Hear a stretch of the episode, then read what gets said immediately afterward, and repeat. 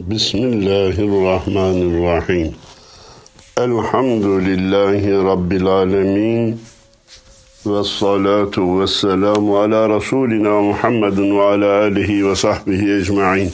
Erkam Radyomuzun değerli dinleyenleri, hepinize hayırlı cumalar diliyor.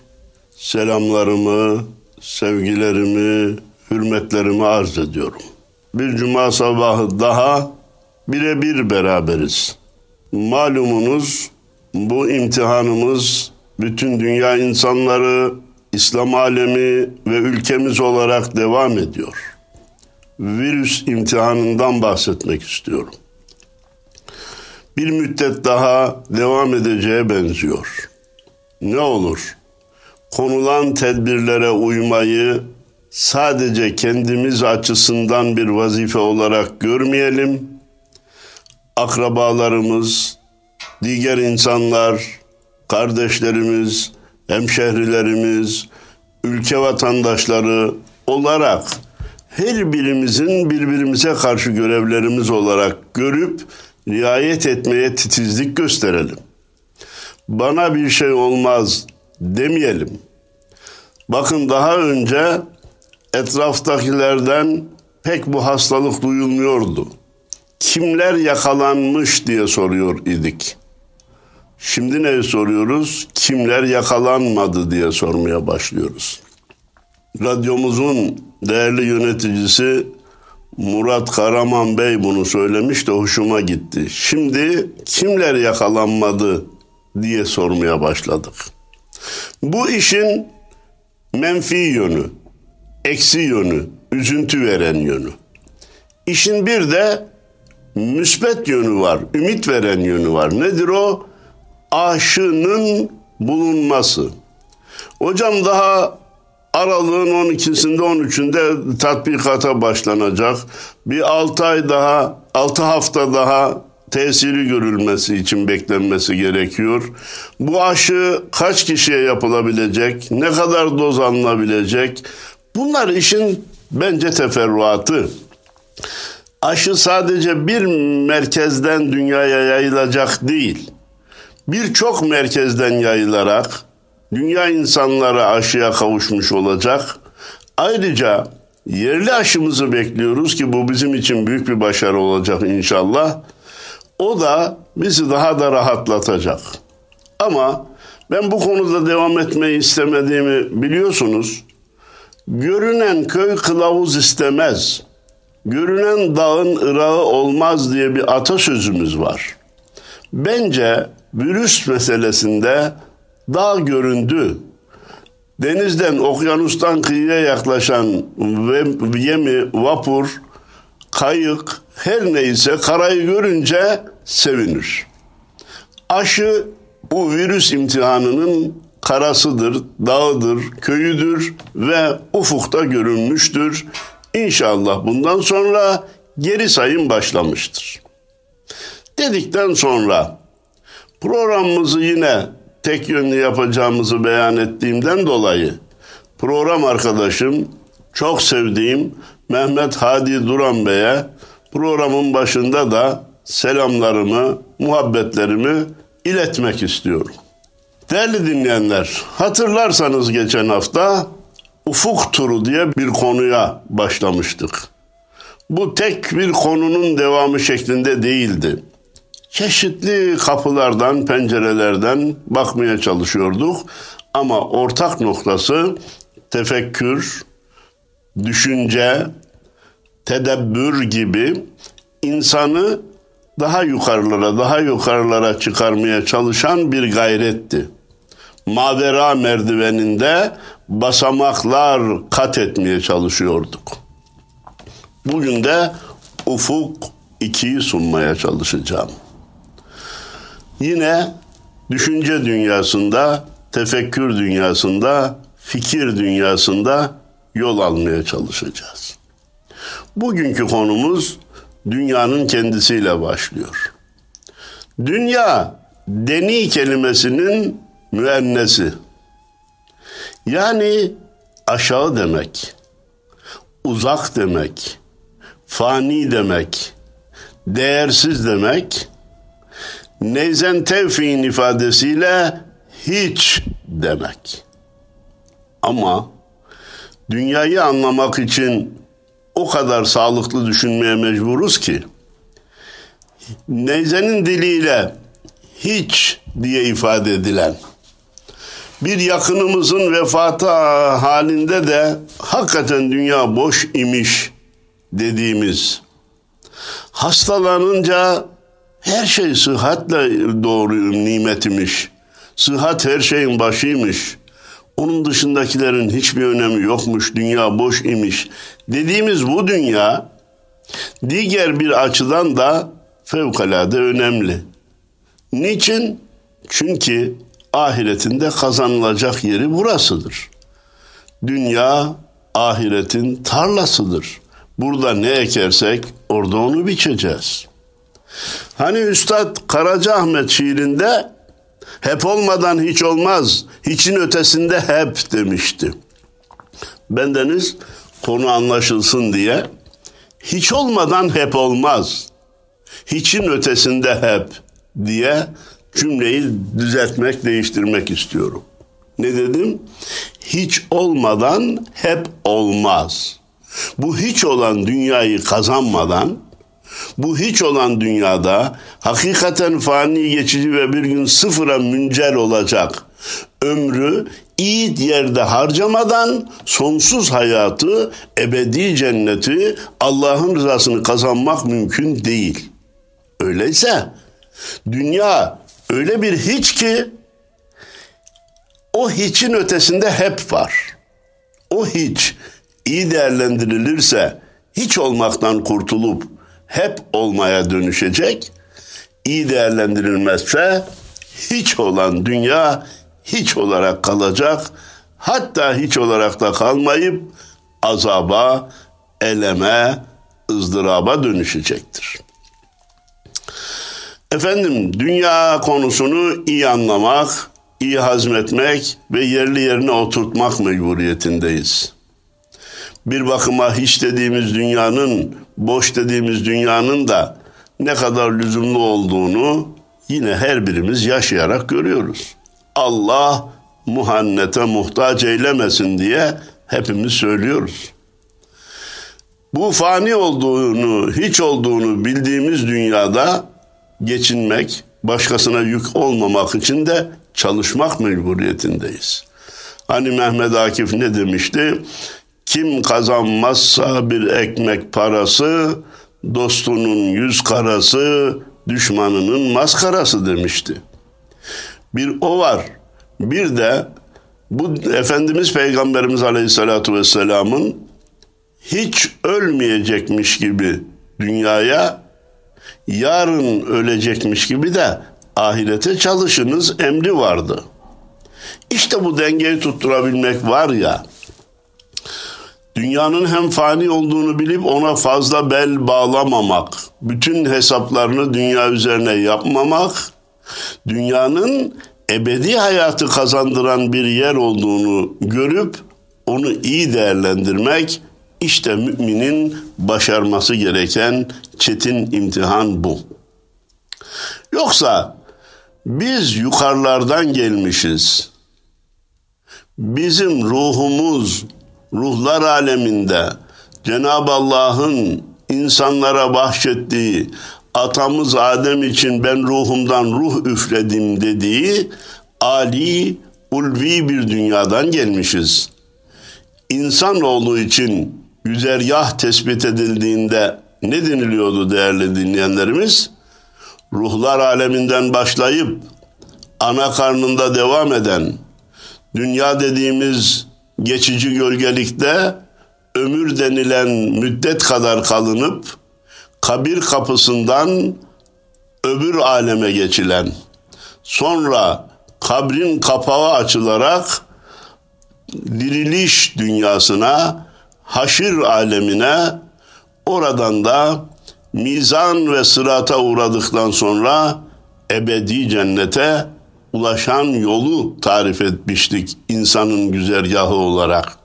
İşte Salih Baba'nın divanında dediği gibi Gökte uçar iken indirdin beni. Vadiyi virana kondurdun beni. Vahşi hayvanlara döndürdün beni. Aslından bir haber verenim yoktur diyor. Benim ruhum nereden geldi, nereye gidecek? Bunu bana bildiren birine ihtiyacım var diyordu ki bu bildiren kişilere de mürşit, veli, kılavuz, önder, rehber diyoruz. Efendim Üstad Necip Fazıl diyor ki bir bak zaman ve mekan nasıl kuşatılmışız. Belli, belli ki en tepeden en dibe atılmışız. Hani Salih Baba ne diyordu? Gökte uçan iken indirdin beni, vadi virana kondurdun beni. Belli ki çok ulvi alemden çok dibe dünyaya atılmışız. Ama niçin ve neden atılmışız? Bakın bu dünyanın öneminin dışında bir soru. Niçin atılmışız? Hani insanlar zaman zaman, gençler zaman zaman nefis var, şeytan var. Niye yaratıldı? Allah nefis ve şeytanı yaratmasaydı da hiç günah işlemeseydik diye sorular soruyor. Ruhlarımız ulvi alemdeydi, ruhlar alemindeydi. Dünyaya atılmışız ama niye atılmışız? Cevabına dikkatinizi istirham ediyorum. Seni aramam için beni uzağa attın, alemi benim için, beni kendin için yarattın. Meseleyi kökten çözüyor mu, çözmüyor mu? Cenab-ı Allah'a hitap ediyor.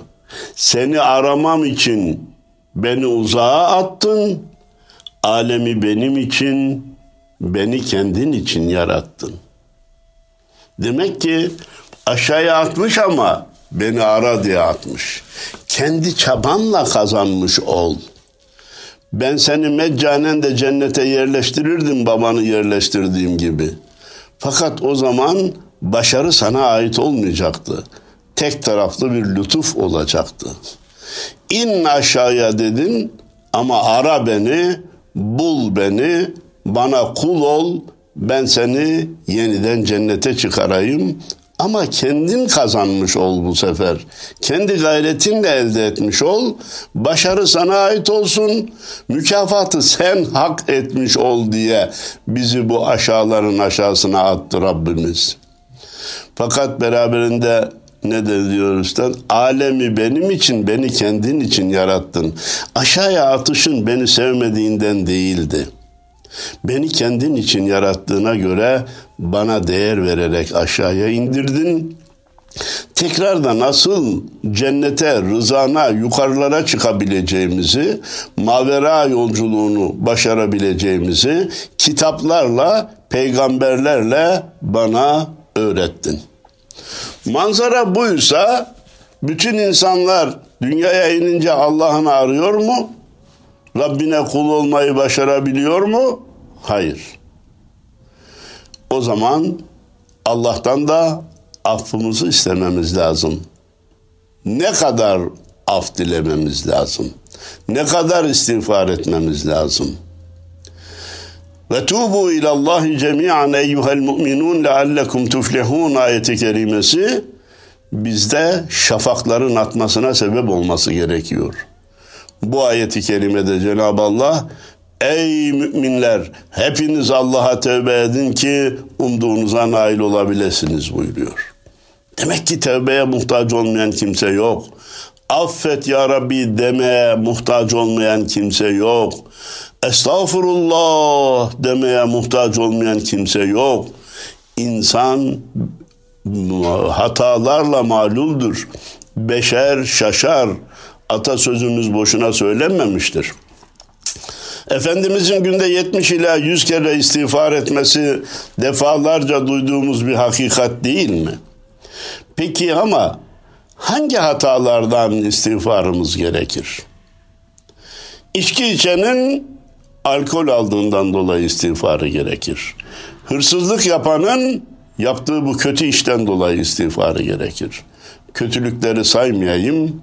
Namaz kılmayanın namazı kılmadığı için orucu tutmayanın orucu tutmadığı için yalvarması, yakarması, gözyaşı dökmesi gerekir de. Büyüklere bakıyoruz.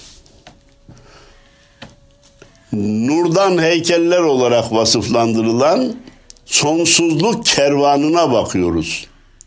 Allah'ın sevdiği kullara bakıyoruz. Onlar nelerden istiğfar etmiş? Bizim halimizi düşündüğümüz zaman onlar bunlardan istiğfar ettiyse, af dilediyse bizim ne kadar af dilememiz, ne kadar tövbe etmemiz gerektiğinin kararını çıkarmamız gerekiyor.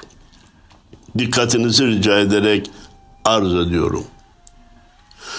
Göz kaptırdığım renkten, kulak verdiğim sesten, affet beni, senden habersiz aldığım her nefesten.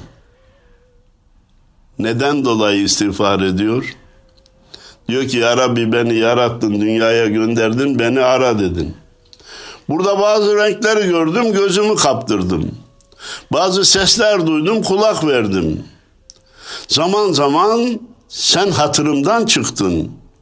Nefes alırken bu nefesi veren Allah'ı unuttuğum zamanlar oldu. Onun için diyor ki göz kaptırdığım renkten, kulak verdiğim sesten affet ya Rab beni senden habersiz aldığım her nefesten. İşte istiğfarın da mertebeleri var. Hani Efendimiz Peygamberimiz Aleyhisselatu Vesselam e, günde 70 kere 100 kere istiğfar ediyordu deyince ya peygamberin haşa günde 70 kere 100 kere günah mı işliyordu ki istiğfar ediyor diye düşünenler var ya onun istiğfarının anlamı neymiş? Yücelerin yukarıdaki de istiğfarının anlamı neymiş? Onu biraz daha bu beyit bize anlatıyor gibi geliyor bana. Efendim bir tarafta senden habersiz aldığım her nefesten dolayı bile beni affet ya Rabbi diyen, çırpınan, bu, bu eksiğini bile büyük günah olarak gören insanlar varken, öbür tarafta dünya hayatında yaşarken, herhangi bir yerde toplantıda Allah'tan peygamberden bahsedilince, burada Allah'ın ne işi var? Allah'ı buraya niye sokuyorsun? Dini buraya niye karıştırıyorsun diye kendini yaratanı ve onun gönderdiği Kur'an'ı, onun gönderdiği peygamberi hayattan sürgün etmek isteyen insanların olduğunu üzülerek görüyoruz. Be kardeşim, seni de Allah yarattı. Senin ruhunu da Allah verdi. Allah kendi ruhundan üfledi. Seni de yeniden cennet ufkuna yücelmek göreviyle dünyaya gönderdi. Sen Allah'ın ne işi var, peygamberin ne işi var, dinin ne işi var diyorsun. Ne söylediğin farkında mısın? Geleceğini perişan ettiğin, istikbalini tehlikeye attığın, bu tehlikenin de öyle eyvah pardon diyerek kurtulunacak bir tehlike olmadığının farkında mısın? Dikkat et. Bütün insanlığa bendeniz bir TRT programında demiştim ki dünyada birçok din var ama bir Allah var. Ne Budist'in inandığı Buda, ne Hindistanlı'nın inandığı inek, ne de Avrupalının İsa Allah'ın oğlu dediği İsa ilah değildir. Onlar ilah zannediyor. Bir putu yapıp insanın ona ilah demesi o putu ilah ediyor mu? Dünyada birçok din var ama Allah bir tane. Bütün dünya insanları o Allah'ın verdiği emirleri, ibadetleri yerine getirir veya getirmez yerine getirir veya getirmez. Bu ayrı bir konu. Ama bütün dünya insanları o Allah'ın yasaklarından kaçınmak mecburiyetindedir. Zinasıyla, kumarıyla, faiziyle, adam öldürmesiyle, yalan ve iftira ile e, ne kadar Allahu Teala'nın ve Efendimiz Peygamberimiz Aleyhisselatü Vesselam'ın yasakladığı günahlar, kötülükler varsa bütün insanlar dünyada huzur bulmak istiyorsa ondan kaçınmak mecburiyetindedir. Hatta şu anda dünya küçüldüğünden dolayı hepimiz bir geminin yolcusu olduğumuzdan dolayı dünyanın herhangi bir yerindeki bir insanlar grubu Allah'ın yasakladığı haramları işleseler bütün dünya insanlarını da huzursuz ediyorlar. Bütün dünya insanlarına da zarar veriyorlar. O yasağı işlemelerinin günahı, vebali, cezası bütün insanlığa beraber gönderiliyor. İşte yaşadığımız virüs olayı. Çin'de şu vilayette çıkmış bir nesne gibi ortaya atıldı. Sonra bütün dünyayı sardı. Ama niçinini sorduğunda ben size söyleyeyim. Eski kavimler, Efendimizin görevlendirilmesinden önceki kavimler birer günahı işlediği için helak olmuşlardı. Zamanımızın insanı, asrımızın, çağımızın parantez içinde ünlemle çağdaş insanı o eski kavimlerin helakine sebep olan bütün günahları beraberce işliyorlar. Yeryüzünde riya, inkar, hıyanet altın devrini yaşıyor. Diller, sayfalar, satırlar Ebu Cehil öldü diyorlar. Ebu Cehil ölmedi ya Muhammed. Ebu Leheb kıtalar dolaşıyor diyor diye Nihat Asya'mız. Her yeryüzünde haramlar altın devrini yaşıyor. Faiziyle, adam öldürülmesiyle, kimyevi silahlarla, biyolojik silahlarla insanlar birbirini öldürüyor. Fuhuş almış götür, almış gitmiş. Kumar en modern görülen veya gösterilen ülkelerde en çağdaş aletlerle oynanmaya başlanmış. Adına kumar denilmese bile bir kısım toto, loto, efendim iddia gibi şeyler, e, milli piyango gibi nesneler de bütün dünyayı sarmış vaziyette oynanan kumarlar. Peki eski kavimler işledikleri bir günahtan dolayı helak olurken asrımız insanı bunca günahı beraberce işliyor ise, işler hale gelmiş ise bu virüs ona çok mu?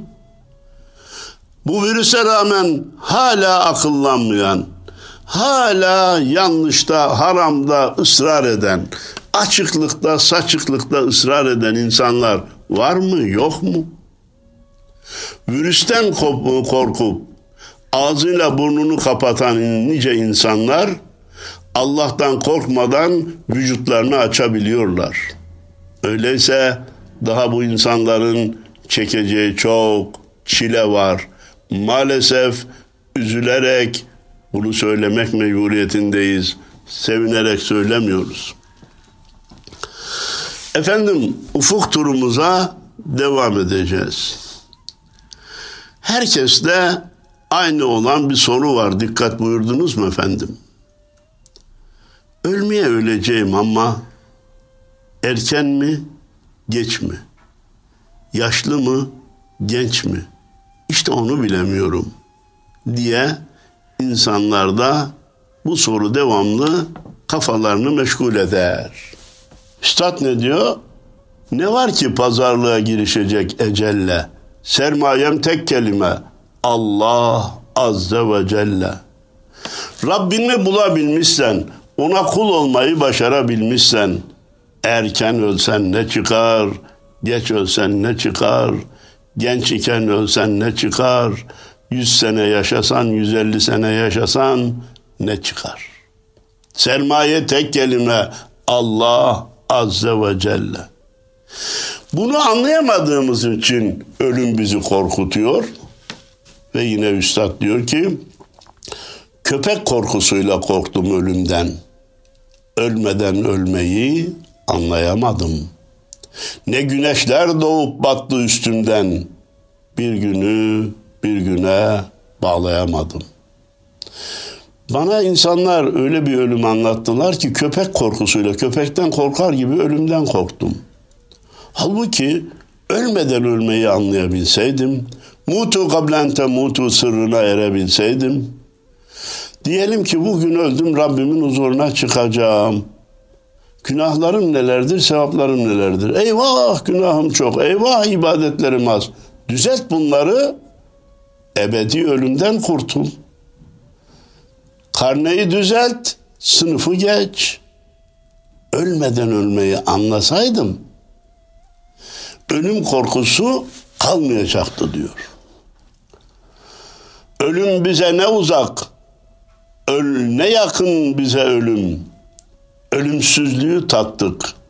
Bize ne yapsın ölüm diyen Erdem Beyazıt büyüğümüze Allah rahmet eylesin, ruhunu şad eylesin. Biz diyor ölümsüzlüğü tatmışız. Ölüm bize ne yapabilir ki? İşte ne zaman nerede nasıl öleceğim demek yerine imanlı mı gideceğim, imansız mı gideceğim? Sınıfı geçerek mi gideceğim yoksa zayıflarla mı ahirete geçeceğim sorusunu sormak gerekiyor. Hırsıma ne şöhret yetti ne şan, döndüğüm her nokta dünyadan nişan, nefsimin ardından koştum perişan, ondan bir kıl bile anlayamadım diyorsak, nefsin peşinden perişan koşuyor isek, ne zaman vefat edersek edelim, akıbetimiz iyi olmayacak. Ama nefsi frenlemiş, ibadetlerini yerine getirmiş, kul hakkına girmemiş, kimsenin kalbini kırmamış, üç günlük dünya malını baki zannedip de onda boğulmamış, üç günlük dünya ömrünü sonsuz zannedip de onda gark olmamış bir insan olmayı başarabilirsek, ölüm bizim için düğün olacak, bayram olacak. Ölme konusunda çırpınanlar için de yine üstad diyor ki Veren de o alanda nedir senden gidecek? Telaşını gören de can senin zannedecek. Bir daha veren de o alanda nedir senden gidecek? Telaşını gören de can senin zannedecek. Can bizim mi ki vermeme konusunda direniyoruz? Onu bir veren var. Onu tekrar isteyeceğini bize söyleyen var. Geçici olduğunu bildiren bir Allah. Dünyada yaşarken bir ağacın gölgesinde yaşar gibi yaşayın. Burayı ebedi zannetmeyin diyen bir peygamber var. Hayatın ve ölümün gerçekleri, ölüm ötesinin gerçekleri iyi öğrenilse, sadece öğrenilmekle kalmayıp gereken hazırlık yapılsa bana inanın ki ölüm korkusu sıfırlanacaktır. Çeşitli sohbetlerimizde arz etmeye çalışmışızdır. Ölümden insanlar iki sebeple korkarlar. Bir, ölümün Allah'a kavuşmak olduğunu bilmeyip kabir zindanında yaşamaya devam etmek, kabrin karanlığındaki bir hayatın devamı zannetmek insanları korkutuyor. Biraz da bazı hoca efendilerimiz korkutuyor. Şöyle yılan var, böyle çıyan var diye. Halbuki mümin için kabir cennet bahçelerinden bir bahçe olacak inşallah. Bir bundan korkuyoruz. Ölümün ne olduğunu bilmediğimizden bir de ölümden sonraki hayata sermaye hazırlamadığımız için korkuyoruz. Hasis tüccar kendine bir başka kese diktir. Mezarda geçer akçe neyse onu biriktir demişti ya hani. Diyor ki dünyada çekini, senedini, dövizlerini koymak için çelik kasalar yapıyorsun. Bir de kabirde geçer akçe neyse onlar için de bir kasa daha edin. Bir kesen daha olsun. İbadeti, taatı, hayru, hasenatı, yardımı, Afrika'da kuyu, Afrika'da mescit, Türkiye'de bir camiye bir tuğla, Türkiye'de bir Kur'an kursuna yardım, Türkiye'de bir yerde daha ezan okunmasına vesile olma gibi ahirette kabirde senin için geçer akçe neyse onu biriktir. Hani biz dünyadayken bir ülkeden başka ülkeye seyahat etmeyi düşündüğümüzde ya bu ülkenin paraları orada geçer mi diye soruyoruz. Hacılarımız bile hacca giderken bize sorarlar. Hocam yanımıza hangi parayı alalım? Türk parası orada geçer mi? Dolar mı alalım, euro mu alalım diye. Şu haklı. Başka bir ülkeye gidiyor. Eğer bu para orada geçmezse, kağıt hükmüne dönerse, adam buradan milyarlar olsa neye yarar? Orada geçer akçeyi buradan edinmek gerekiyor. Aynen onun gibi kabir ve ahiretteki geçer akçe hayru hasenattır, ibadatu taattır, günahlardan güç nispetinde kaçınmak, nefis ve şeytana ram olmamaktır. Tabii bunları söylemek kolay. Mühim olan başarmak. Ancak başaranlar da söyleyenler ve dinleyenler olmuştur. Yok canım bu iş zor. Söyleyenler bile söylediklerinin hepsini yapıyor mu ki diye düşünürsek defteri kapatmış oluruz. Kepengi indirmiş oluruz. Yanlış yola girmiş oluruz. Ömür boyu sigara içen ve bunun zararını gören bu virüste de o zararı birebir yaşayan birisi çıksa da gençlere dese ki sakın sigara içmeyin. Yanlış bir iş mi yapmış olur? Bizim onun sözünü dinlemememiz mi gerekir? Değer vermememiz mi gerekir? Hayır. Evet adam bir yanlışı yapmış ama yanlışın yanlış olduğunu bize söylüyor. Ben yaşadım siz yaşamayın diyor. Öyleyse biz söyleyene değil söylenene bakmalıyız. Söz doğru ise onu başa tac edip hayatımıza ölçü kabul edip uygulamaya gayret etmemiz lazım. Hepinize Ufuk Turu'nun ikinci programından, ikinci bölümünden selamlarımı, muhabbetlerimi, hürmetlerimi arz ediyorum. Allah nasip ederse Ufuk 3'te buluşmak üzere diyor. Hayırlı cumalar diliyorum.